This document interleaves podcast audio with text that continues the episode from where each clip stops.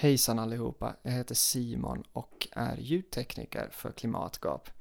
Jag tänkte komma in lite så här smidigt och lägga in en brasklapp. I början av avsnittet så finns det lite biljud och skrap i vår gäst Nina Worms mick. Det här försvinner efter första minuten och fick vi det fixat. Jag hoppas att det här inte påverkar lyssnarupplevelsen allt för mycket. Nu lämnar jag över till Isak och Maria. Häromdagen läste jag en artikel som hade titeln Här är tekniken som kan rädda klimatet. Den handlade om Carbon Capture and Storage. Det är liksom när man suger ut eh, koldioxid eh, ur luften och, och lagrar den mm. på no något sätt. Det finns lite olika metoder. Vad tror du Isak? Kan tekniken rädda oss? Ja, alltså jag såg Vetenskapens Värld precis i, i, i, liknande ämne kan man säga. Jag måste säga att jag blev otroligt lugn och kände att, att eh, jag såg liksom en, en ljusning i, i den mörka klimattunneln på något sätt och tänkte att nej men jag kan nog boka den där resan då för det här verkar ju ändå lösa sig ganska så smidigt. Vad handlade den? Ja men den handlade just om de här teknikerna också. Sen var det några andra tekniker som skulle hindra solens strålning för att nå jorden och på så sätt kyla ner klimatet eh, ytterligare så att vi kan fortsätta leva och fröjdas gott. Men du, eh, det är ju alltid en tröst också att tänka på att man skulle kunna flytta till Mars. Ja, jo, det är liksom en, en, en tredje utväg på något sätt som som äh, alltid finns till hands. Fast det verkar rätt mycket billigare att rädda jorden i och för sig. Ja, mm. Plantera träd var också en lite billigare lösning kom de på i, den, i det här vetenskapens värld, som egentligen inte alls handlade om att vi skulle kunna leva på som vanligt. Det var ganska så dyster historia också, men det var ändå på något sätt fascinerande att se de här olika tekniska under som på något sätt ligger antingen i idéstadie eller långt fram i, i forskning. Mm. Och det ska vi prata lite om idag Maria, tekniken. Det ska vi. Teknikens under. Mm.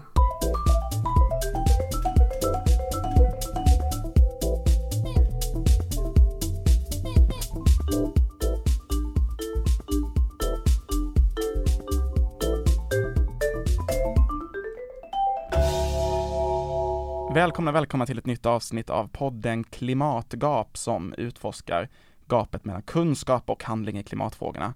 Och den här podden görs ju av mig, Isak Janhäll, och min ständiga följeslagare Maria Wollratz Söderberg. Hej Maria! Hej Isak! Idag är det roligt. Jag tycker väldigt mycket om när det bara är du och jag, men jag tycker också väldigt spännande när vi har en gäst. Ja, och, det är en liten speciell gäst för dig idag. Ja, för det är Nina Worms, nämligen min partner in crime, eller i alla fall min forskningskompis mm. som vi har bjudit in för vi ska snacka om teknikens roll i förhållande till klimatet. Just det. Kan den frälsa oss?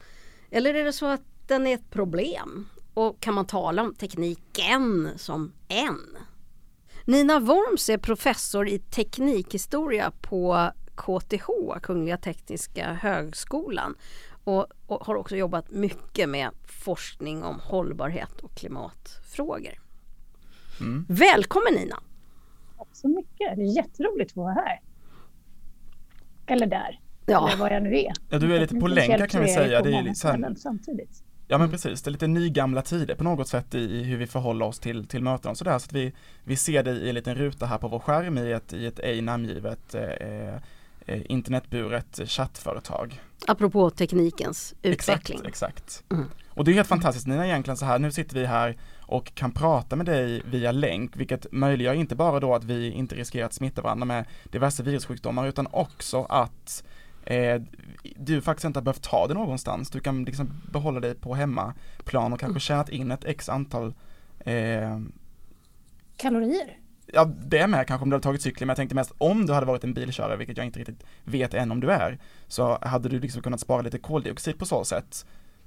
Genom att stanna hemma? Genom att stanna hemma, ja men det är det jag tänker, att tekniken på något sätt redan här verkar ju vara liksom en räddning att, att, eh, att vi inte är beroende av att förflytta oss längre, vilket vi har märkt i, i coronatider tänker jag.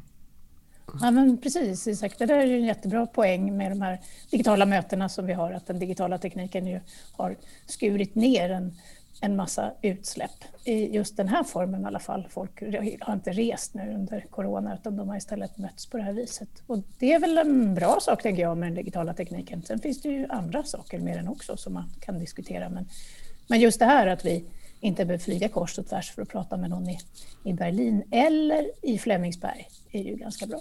Nej men precis. Men vad säger du Nina? Eh, kan tekniken rädda oss? Ja, det är ju en gigantisk fråga och det går faktiskt inte riktigt att svara på den som den är ställd. Så att jag tänker att man får försöka plocka isär den där frågan. Eh, det första som man kan tänka på är ju att teknik, när man säger så där, kan tekniken rädda oss? Det är ju att den låter som en stor superhjälte som springer omkring på gigantiska fötter och fångar upp människor och så, så blir det ett lyckligt slut. Ja, ibland kritiserar man ju den här idén om att tekniken kan rädda oss genom att kalla det för teknikfrälsning eller technosalvation. Precis, det gör man ju. Eh, men, men framförallt så tycker jag inte att man kan prata om tekniken som en. Mm. Utan man, man, det gör vi ofta. Vi pratar om tekniken som en och vi pratar om teknik som om den hade en egen agens, alltså att den skulle kunna agera själv eller komma på saker själv. Eller, eh, att, den, att den är någonting eh, som gör. En del forskare kanske tycker att tekniken gör det på visst sätt, men inte i den där meningen som, som man ibland hör, tekniken kommer att. Mm. Det tycker jag är lite, det är inte så intressant och det är dessutom som sagt helt omöjligt att svara på, för teknik är ju så himla mycket saker. Mm. Som retoriker så tänker jag, så blir jag ju lite rädd när man använder teknikutveckling som ett argument i klimatdebatten, för det åtföljs, åtföljs ganska ofta eh, av resonemang om att vi egentligen inte behöver göra så mycket eller i alla fall inte behöver uppoffra oss på något sätt. Ja, just det. Ehm, men det är inte bara retoriker som, som kan bli lite förskräckta över den idén. Ehm, jag är ju teknikhistoriker faktiskt. Det låter kanske örnnördigt, men jag håller ju på att titta på teknik i samhället och i samtiden och varför vi har den teknik vi har och, och vad den får för konsekvenser. Och oavsett klimatfrågan så finns ju den där idén om tekniken som en, en, egen, en egen kraft faktiskt. Den har funnits ganska länge. Den går tillbaka åtminstone till den industriella revolutionen kan man säga. De har ju pratat om ny teknik som, som eh, på något vis hade inneboende egenskaper och förändringsmöjligheter. Sådär. Och lite som en oundviklig utveckling också på något vis? Ja, ibland så pratar man om teknik som, som om det inte gick att ha andra framtider eller andra världar, att tekniken styr och sådär. Eh, det finns ju både positiva och mer vad ska man säga, dystopiska versioner av det. Den allra vanligaste är ju den som vi möter i reklamen för elektronikprodukter till exempel.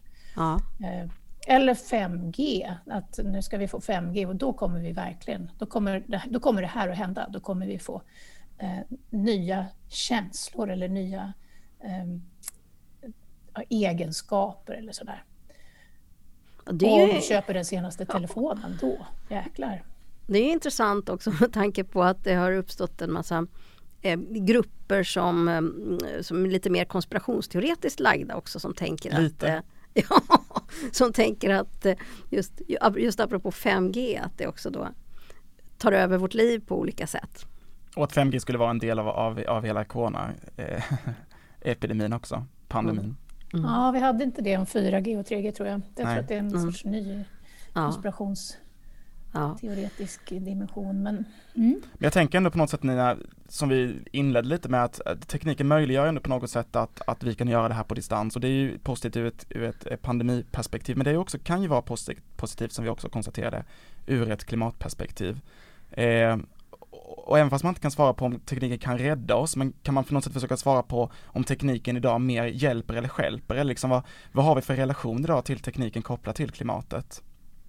Ja, men det är ju lättare då att prata om det på något sätt. Eh, men det är ju bra att börja i den där stora bilden för att man måste på något vis dela ner den eh, i, i mindre delar tycker jag. Eh, och jag håller med om att det finns en fara med att prata om både hjälpa och skälpa för att även där måste man börja på något mm. vis och, och pilla lite. Vi måste ju ha ny teknik på sikt för att kunna vidmakthålla vissa levnadsmönster och sådär. Men det som står för dörren alldeles nu är ju att vi har en massa teknik och vi har en massa lösningar och så, men vi använder dem ju inte. Mm. Så då handlar det egentligen inte så mycket om ny teknik som, som att eh, eh, få system på plats, tänker jag. Alltså när vi pratar om tekniken som ska rädda oss, då tänker vi oss ofta att, att det ska vara teknik som vi ska ta fram. Alltså teknik som inte finns idag. Det är en sorts just utopistisk idé om att vi ska kunna forska fram nya lösningar och sådär. där. men ibland kanske de, de, riktigt intressanta tekniska lösningarna är precis de vi redan har. Och ibland är de kanske inte högteknologiska ens. Utan ehm, de kan vara ganska enkla. Men det är oftast inte det man tänker på i den där retoriska figuren som du pratade om tidigare Maria, utan då Nej. tänker man på storskaligt. Ja, och så pratar man om innovation på olika sätt. Eh, med, Medan jag tänker på den forskning som du och jag håller på med pekar ju på att mycket av trögheten finns i beteendet. Eller att, eller att vi inte klarar av att komma till politiska beslut eller att sjösätta och förverkliga eh, de idéer som redan finns. Och då spelar det ju inte då kan vi komma på hur mycket bra ny innovation som helst om vi inte också eh, realiserar det. Mm. Men du, det där som du sa att det ofta är framtiden och så, det pekar ju också på en tidsfaktor. Det är ju så himla bråttom att och, och, och minska växthusgasutsläppen och väldigt många av de här teknologierna är liksom i sin linda eller ja, det är långt kvar i alla fall innan det på något allvarligt sätt kan påverka klimatet, till exempel carbon capture and storage. Vad tänker du ja, om just det? det. Eh, mm. Ja, precis. Eh, och en del av de där storskaliga som du hade hört om Isak med någon sorts skärmar som skulle mm. omcirkla jorden. Eh, de får vi väl hoppas aldrig kommer bli allvar för att det låter som ett helt irreversibelt system. Ja, det var som, som en liten gardin man skulle släppa ut över hela jordklotet som på något sätt stoppade lite av solens strålning och på så sätt hindrade solens uppvärmning då. Så att då skötte koldioxiden uppvärmningen istället på något sätt, var tanken. Det var en, ja, en del etiker såna, som, sådana som idéer. Hade... Ibland så, så, kallar man det för geoengineering, alltså mm. man eh, ingenjörar om hela jorden. Eh, och eh, att fippla med, med regn och fippla med klimatet, det är ju en sån. Det är ju det vi har gjort egentligen. Just det är ju en sorts geoengineering. Ja. Men, tänker... men, men, när du säger Maria att det är långt fram i tiden en del av de här teknikerna, det stämmer ju. Men, men de, de viktigaste som sagt, de, de, har vi ju redan på plats. Alltså, vi har ju ganska mycket energiteknik som är helt förnyelsebar som finns, som man kan bygga ut. Enkelt. Den bara väntar helt enkelt på att någon ska ta tag i det projektet att, att byta ut all vår, vår eh, globala energiåtgång till, till förnyelsebar istället pågår ju delvis förstås, men ehm, det finns ju inte... det finns ju många som inte tycker att man ska göra det, utan som tycker att man ska göra andra saker. Så mm. det är bra att får lite reglering på plats dessutom. Mm. Fast det verkar ju nu som när det gäller just energiteknik så, så får ju den förnyelsebara energin eh, hjälp av marknaden. Det verkar ju som om en del av den här eh, icke förnyelsebara har inte riktigt lika stor möjlighet längre. Men eh, beroende på vilka typer av stödsystem som regeringar sätter in så kan ju det ändras igen. Mm.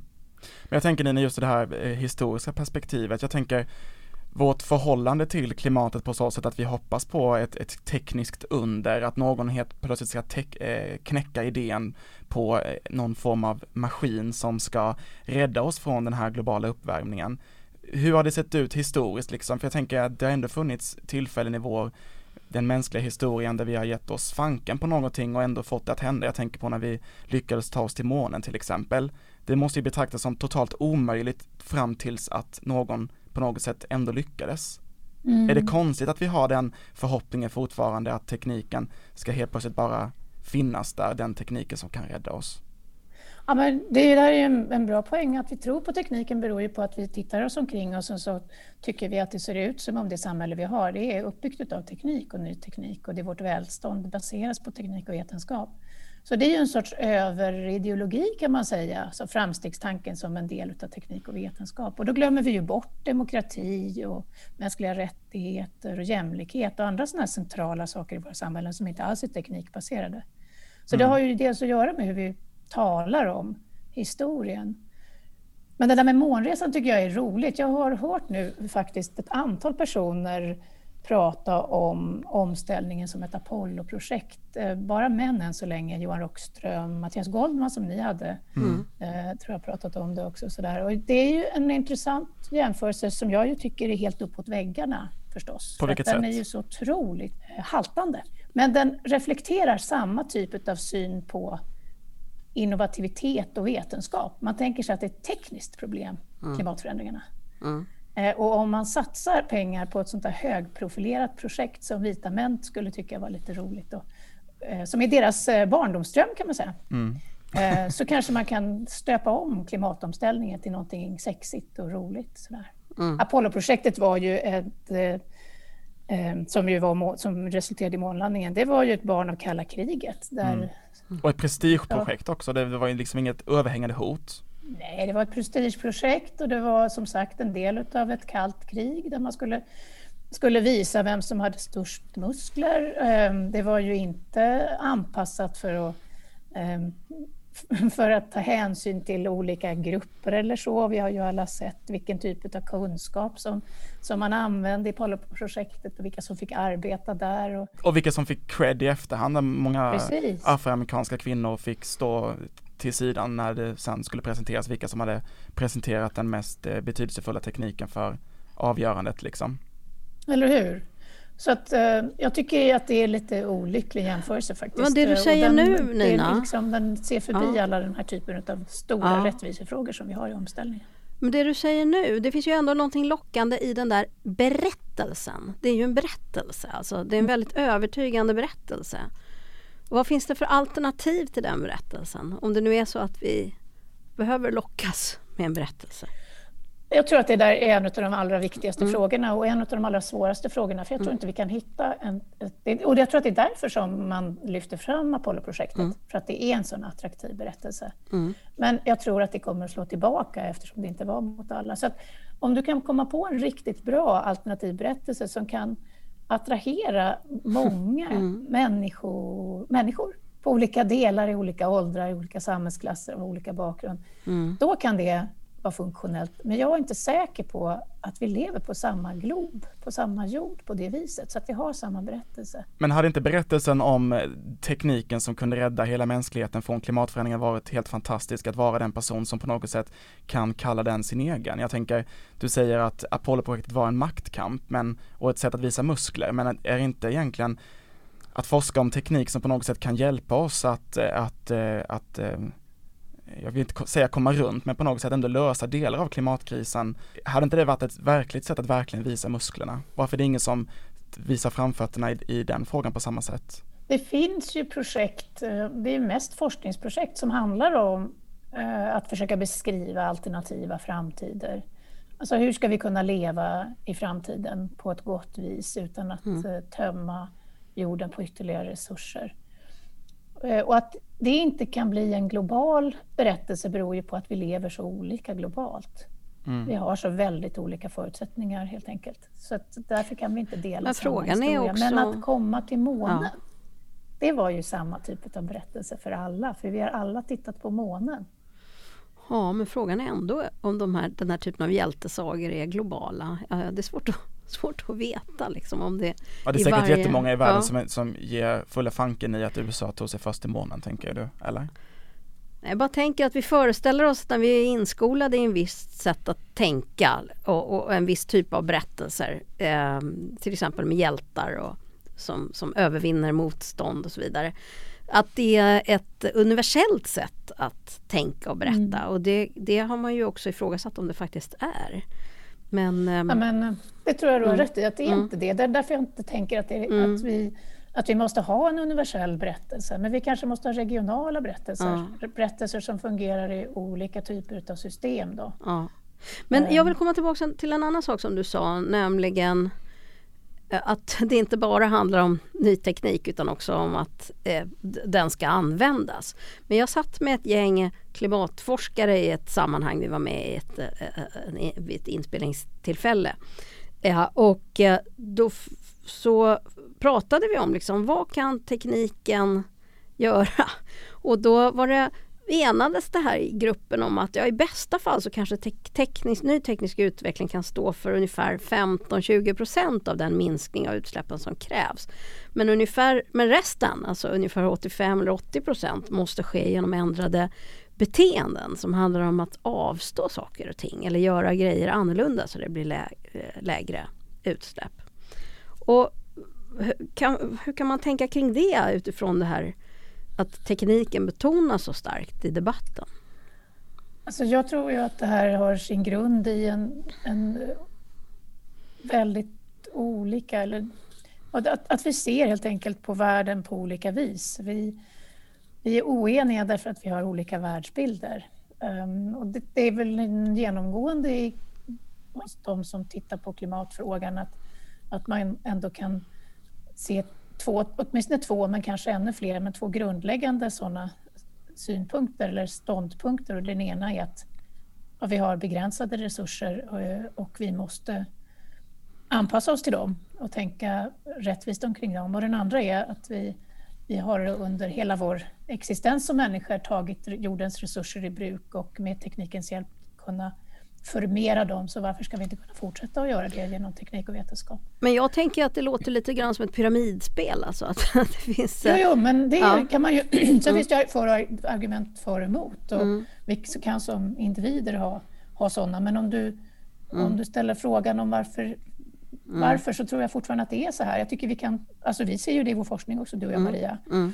att det finns, ett, det finns uh, um, en, en, tydlig argumentationsstruktur eller en tydlig idé om jorden som, som en resurs. Mm. Um, där, det, där det finns ganska många som tänker sig att uh, dessa resurser ska vi kunna förmera genom ny teknik. Och vi, det har vi gjort mm. förut och det kan vi göra igen. Mm. Medan det finns andra då som menar att nej, det är ingen framkomlig väg utan de är begränsade. Mm. De är inte, vi har peak oil till exempel, vi har peak mm. en massa andra saker. Mm. Um. Men hörde du, alltså alla de här idéerna om teknik och utveckling som vi nu pratar om. Eh, hur påverkar de vad vi uppfattar, vad vi tänker och vad vi gör som, som individer tror du? Eller som individer och grupper kanske vi ska säga? Ja, jag tror att de påverkar ganska mycket. Mm. Men det intressantaste tycker jag är att de flesta inte ens vet att det är en idé. Mm. Hur menar du då? Eh, vi pratar liksom om teknisk utveckling och i ordet utveckling, alltså utveckling är ju alltid positiv. Mm. Eh, vi brukar inom mitt ämne istället prata om teknisk förändring för då säger vi inte att det är positivt mm. utan bara att det ändrar sig.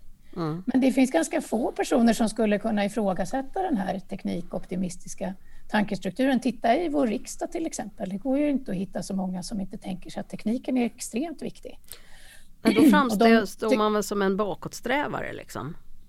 Det är nästan omöjligt. Mm. Eh, jag tycker på sätt och vis att det har blivit lite annorlunda de senaste fem åren kanske. Jag har ju mm. mest ägnat mot informations och kommunikationsteknik. Mm.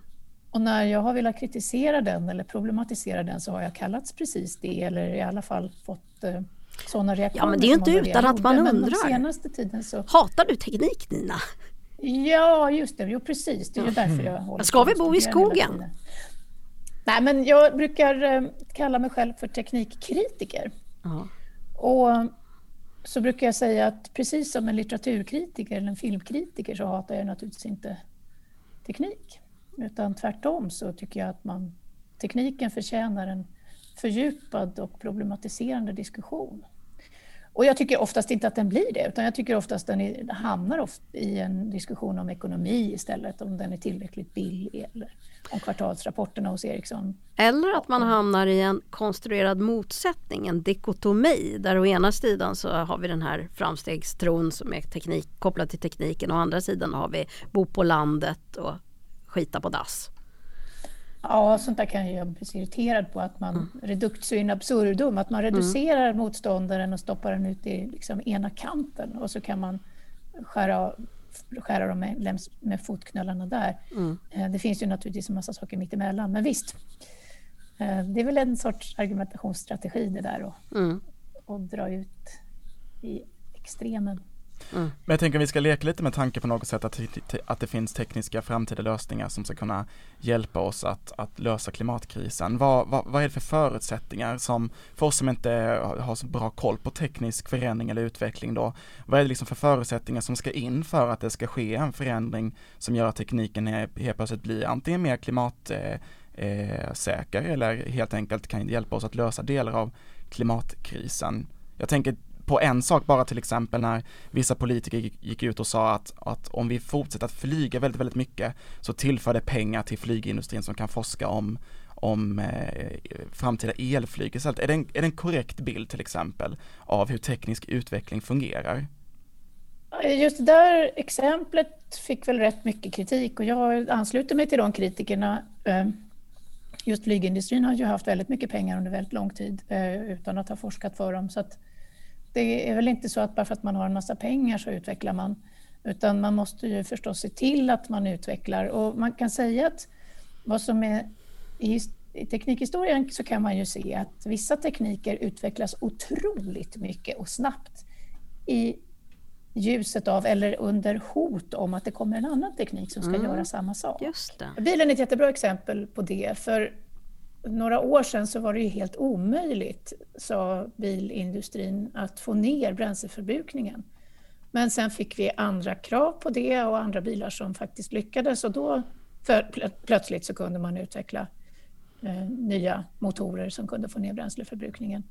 Så att det finns andra exempel som, som är liknande. Så att om man, om man befinner sig i en, som producent av konsumentteknik och det kommer utmanare, eh, då är det en kraftig stimulans för mm. företag att, att utveckla. Och här... lagar, och, alltså lagar och andra typer av, liksom, vad ska man säga, lagstadgade förutsättningar, hur, hur, hur påverkar det? Ja, det är också otroligt viktigt. Det, återigen kan vi titta på bilar. Vi bestämmer oss för att, att vi vill eh, sänka antalet dödsolyckor i trafiken och så har vi krav på säkerhetsbälte. Mm. Och så för man in det som tvingande krav och så lyckas man med det. Eh, där kan man ju säga att det finns, ibland så har vi ju varit kanske inte tänkt på att människor är olika och sådär när det gäller säkerhet. Ofta är ju till exempel bilar då utformade efter att eh, eh, ja, under förutsättningen att det är män som kör och åker i bilar. Så att det är ju farligare att vara kvinna och åka i bil. Men även det kan man ju naturligtvis hantera. Så att lagar och regler är också jättebra. Men man kan säga att en, i just klimatfrågan då så um, har vi ju förut när det gäller smutsiga saker haft skatter och sånt på smuts. Men mm. vi har ju alldeles för låga skatter på den här smutsen som är koldioxiden. Så att därför så styr inte det så mycket än så länge. Mm.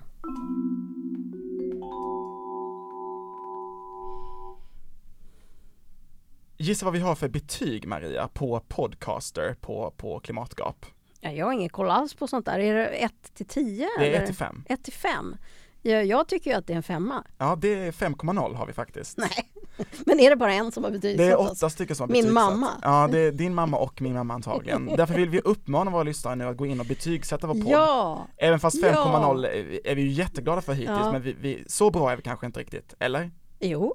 Okej, okay, vi får se. Men vi behöver kanske lite mer kontext på det ja, i alla fall. Ja. Så betygsätt eh, Klimatgap där du lyssnar på eh, på oss och vi är jätteglada att ni lyssnar på oss varje vecka. Vi ser varenda lyssning skulle man kunna säga.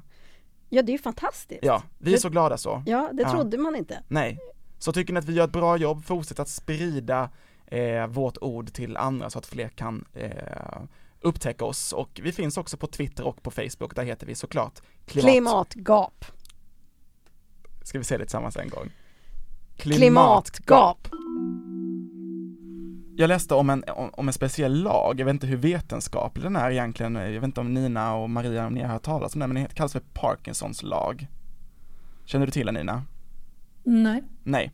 Det är en lag som, som på något sätt säger att en uppgift kommer att ta den tiden som man har på sig att lösa problemet.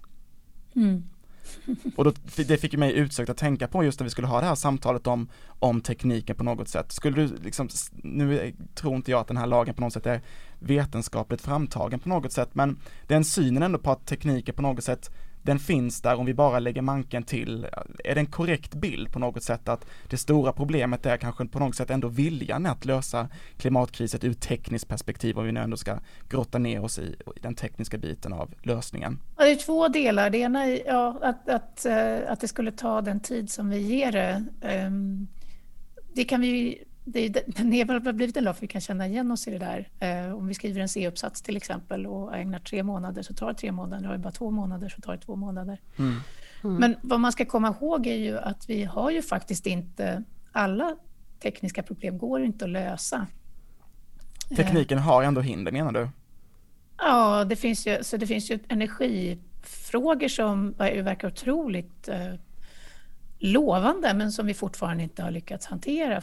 Fusion är ju en sån till exempel. Mm. Så, motsatsen till den kärnkraft vi har idag. Det har vi hållit på med i 70 år nu utan att lyckas. Annan sån här energifråga som, som vi har hållit på med länge det är ju vågenergi, alltså att vi ska kunna samla upp energin som finns i haven eh, genom ebb och flod och sådana där mm. saker.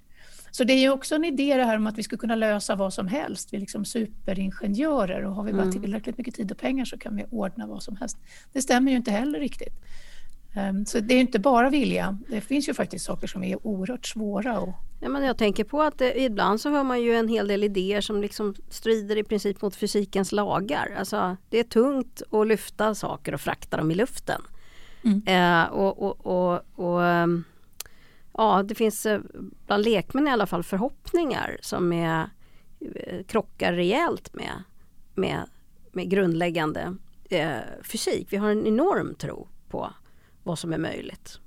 Har du någon exempel där? Eller Nej, men jag tänker på den här debatten om eh, elflygplan till exempel. Eh, det, det, är en sak att lyckas göra elflygplan för att flyga enstaka människor med mycket lite bagage. En helt annan grej att lyfta tunga saker och skicka det långt. Mm. Eh, mm. Ja, men hela batterifrågan, alltså nu mm. lägger vi ju enormt mycket energi mm. på att försöka och tankekraft på att försöka lösa batterifrågan. Mm. Men den är ju väldigt gammal teknikhistoriskt. Mm. har vi ju liksom funderat på batterier länge. Men, men ändå har ju litiumbatteriet liksom gett ett nobelpris och på något sätt ändå revolutionerat hela batteri, alltså möjligheten att använda sig av batterienergi på något sätt. Mm. När kan det inte helt plötsligt komma någon som har forskat fram någonting som är ännu mer revolutionerande, där man kan ta, lagra ännu starkare energi och, och och så vidare. Du, du märker också att mina tekniska termer är begränsade, men jag hoppas du förstår min poäng.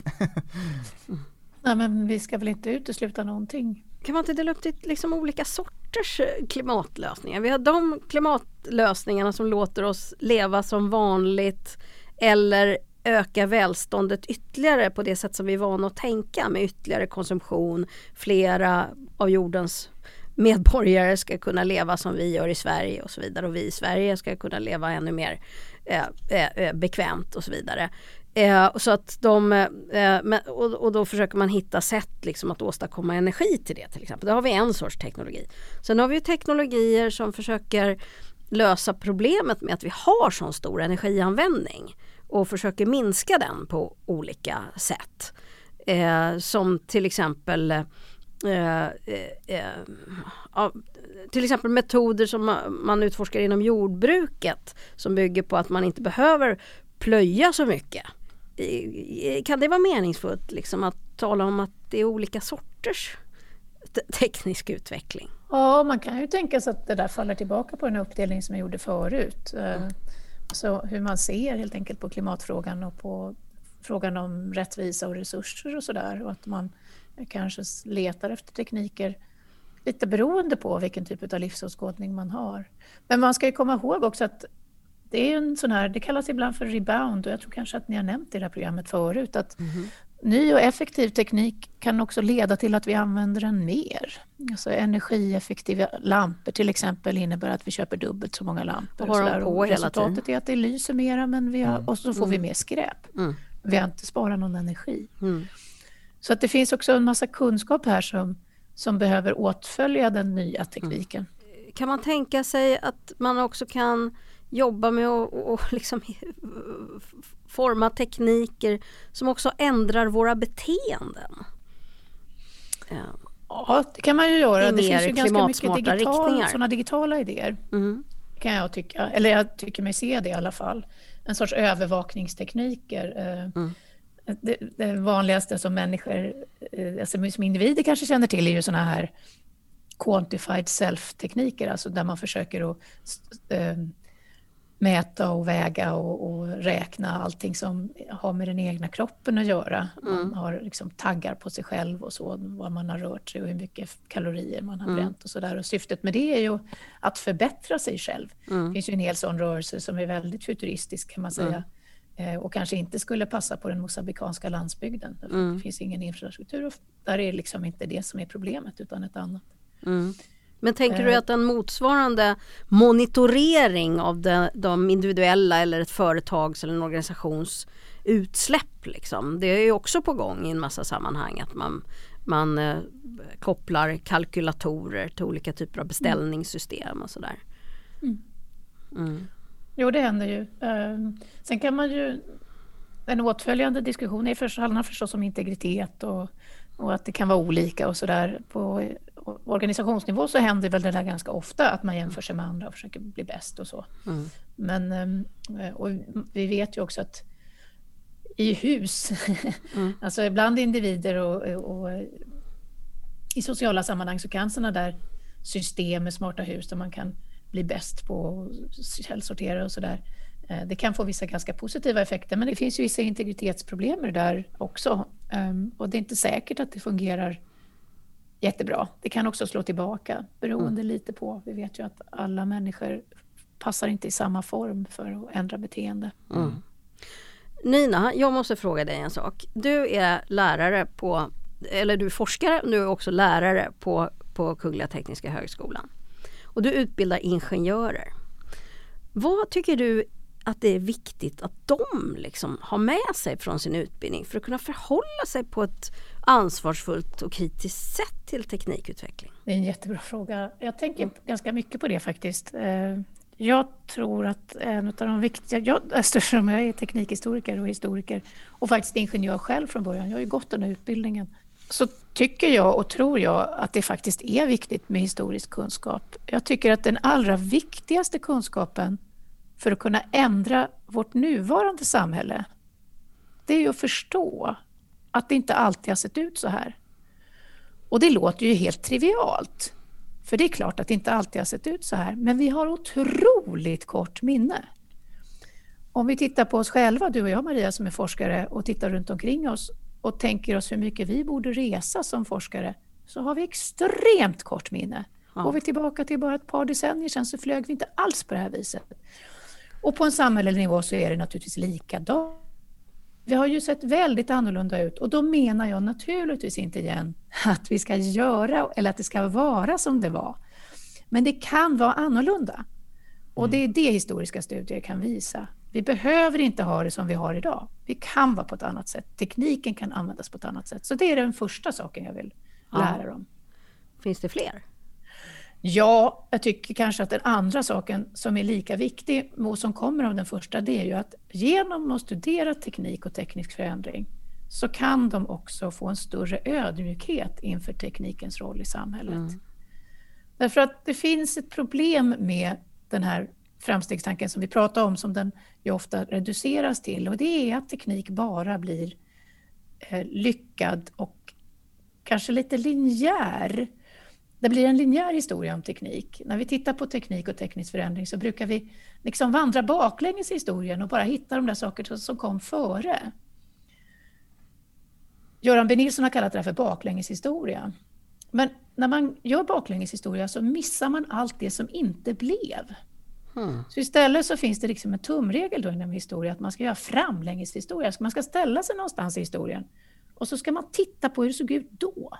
Hmm. Och då upptäcker man ju att det fanns ju en massa beslut och en massa vägar som vi inte tog och som vi tog men som tog slut efter ett tag och, och som dog eller som blev annorlunda eller som användes en stund och som någon annan köpte upp. Och där, ja, det är ungefär en sorts variant av segrarna skriver historia. Mm. Så att om man inte har någon kunskap mm. om historien då kan man lätt få för sig att all teknik som vi har är bra och den har kommit till på ett enkelt vis och den har inga konstiga konsekvenser. Men så fort man förflyttar sig och mm. tittar sig omkring med lite mer öppna ögon, då ser man att det är mycket mer komplicerat och mångfacetterat och mörkt och ljust. Och sådär. Mm. Så det är också vad jag hoppas att mina mm. ingenjörsstudenter också lär sig. Och sådana insikter måste väl också innebära att man inser att teknik i sig inte är någonting så att säga inherent gott utan att det alltid beror på. Nej, och kanske inte i sig inherent ont heller, även Nej. om vi har diskuterat senapsgas mm. som ett exempel på där man har svårt att se de goda mm. eh, utfallen. Men absolut, men man kan också säga med en sån här gammal eh, det, det verkar gott eller ont, men det är inte heller neutralt. Nej, just det.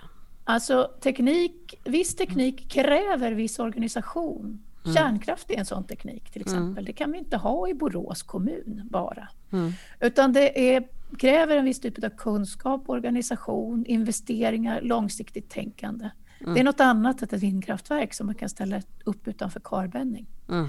Så att det är också så att teknik, all teknik är liksom inte likvärdig. Mm. Den har å ena sidan organisatoriska gränsvärden, men den har också gränsvärden i tid. Mm. Alltså hur länge blir den kvar? Vad får den för långsiktiga konsekvenser? Mm. Nu har vi lagt ganska så mycket tid i, i podden och prata just om den här tekniken, den framtida tekniken, drömtekniken, Nina, som på något sätt kanske kan rädda oss. Men det kan ju också ge den här liksom, eventuellt felaktiga bilden av att vi inte behöver göra en omställning, att vi bara kan förlita oss på tekniken. Ja, men det finns ju de som faktiskt tror precis det. Det finns ju stora partier som, som lever på, det, på den berättelsen, att vi kan ställa om med bara ny teknik. Det är, det är ganska framträdande tycker jag i den allmänna debatten, att det är tekniken som ska lösa det här. Medan alltså, inom miljörörelsen och bland klimatforskare och så, så är inte det här så så betonat, utan där pratar man istället om att vi måste ändra beteenden för resurserna räcker helt enkelt inte. Och jag tror ju att man behöver prata mer om sådana saker. Man behöver prata mer också om, om resurser eh, och kanske om hur resurser fördelas. För det kan jag tycka att vi inte pratar så mycket om i klimatfrågan. Vi, vi pratar om klimatfrågan som ett problem, men vi pratar inte lika mycket om hur, hur världen egentligen ser ut just nu. Alltså hur fördelar sig de tillgångar vi har över jordens människor och hur kan de fördela sig i framtiden? För då tror jag att det kan bli svårare att, att hålla sig i den här teknikutopistiska mm. föreställningen. Den är mm. svårare att få fast i då. Mm. För att vi lever redan i en, en sån ojämlik och orättvis värld. Så om man då säger att tekniken ska, ska låta det vara som det är, då har man ju på något vis sagt att vi ska fortsätta ha det så här orättvist och mm. ojämlikt. Kan man också tänka sig en teknisk utveckling i jämlikhetens tjänst eller i eh, rättvisans tjänst? Nej, men jag tror ju att eh, vi mm. glömmer bort att en massa saker som är otroligt viktiga för välstånd och ett gott liv är inte tekniska. Mm. Utan de handlar om rättigheter, om hur vi ser på varandra och hur vi mm. behandlar varandra människor emellan. Och hur vi följer lagar och regler och hur vi fördelar våra resurser. Och mm. de är ju inte i första hand beroendet av stora tekniska system som drivs mm. på energi. Även om ju förstås med, i något sorts sammanhang när vi har digitala strukturer så, så finns det teknik bakom. Men det är ju värderingar och och ekonomi ja. och, sånt som styr hur, vi, hur det sen Men det går inte att isolera det ena från det andra riktigt heller. Kan vi inte bjuda in våra lyssnare Isak till att, att komma med idéer om hur, hur, hur teknik eh, utveckling kan integreras med de här perspektiven som du tar upp. Det kanske är en, det låter väldigt optimistiskt men det är ändå en lockande ja, men det är väl härligt. Ja. Apropå att vi inte ska liksom behöva tvingas in i ett sorts motsatstänkande.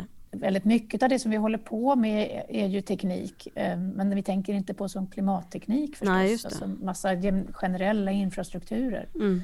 Eh, och de drar ju olika mycket eh, koldioxid och annat. Mm. Mm. Så det är ju rätt komplext. Vi lever ju i en sorts teknosfär, det gör vi ju.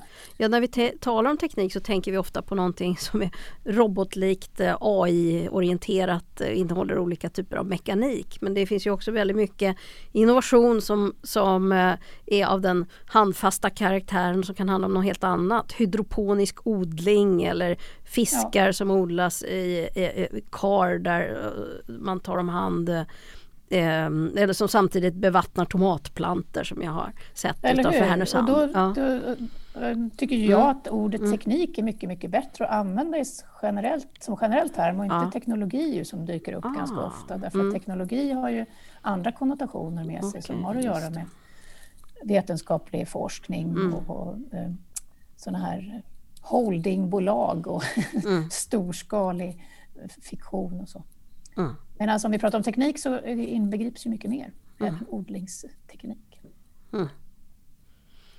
Ja, det här är, väcker väldigt mycket tankar, eller hur? Jag har massa ehm, tekniska idéer som jag vill ta med mm. dig sen Nina, vi kan se om vi kan få igång lite forskning på framtida mm. lösningar. Mm. Eller hur? Jag sätter upp en AI-länk till dig så kan vi tänka ja. tillsammans. En tredje dimension, ja. fjärde, femte. Vi kan väl dra som en liten brax, brasklapp också att vi är fullt medvetna om att att det här typen av möte, eh, de här servrarna som drar det här digitala mötet släpper ju också ut massa, eller drar ju massa energi också tänker jag. Mm. Eller framförallt lyssnandet också, streamingen. Just det, ja. Mm. Vi, vi, är tekniskt tyngda också av, av, eh, av utsläpp och, och mm.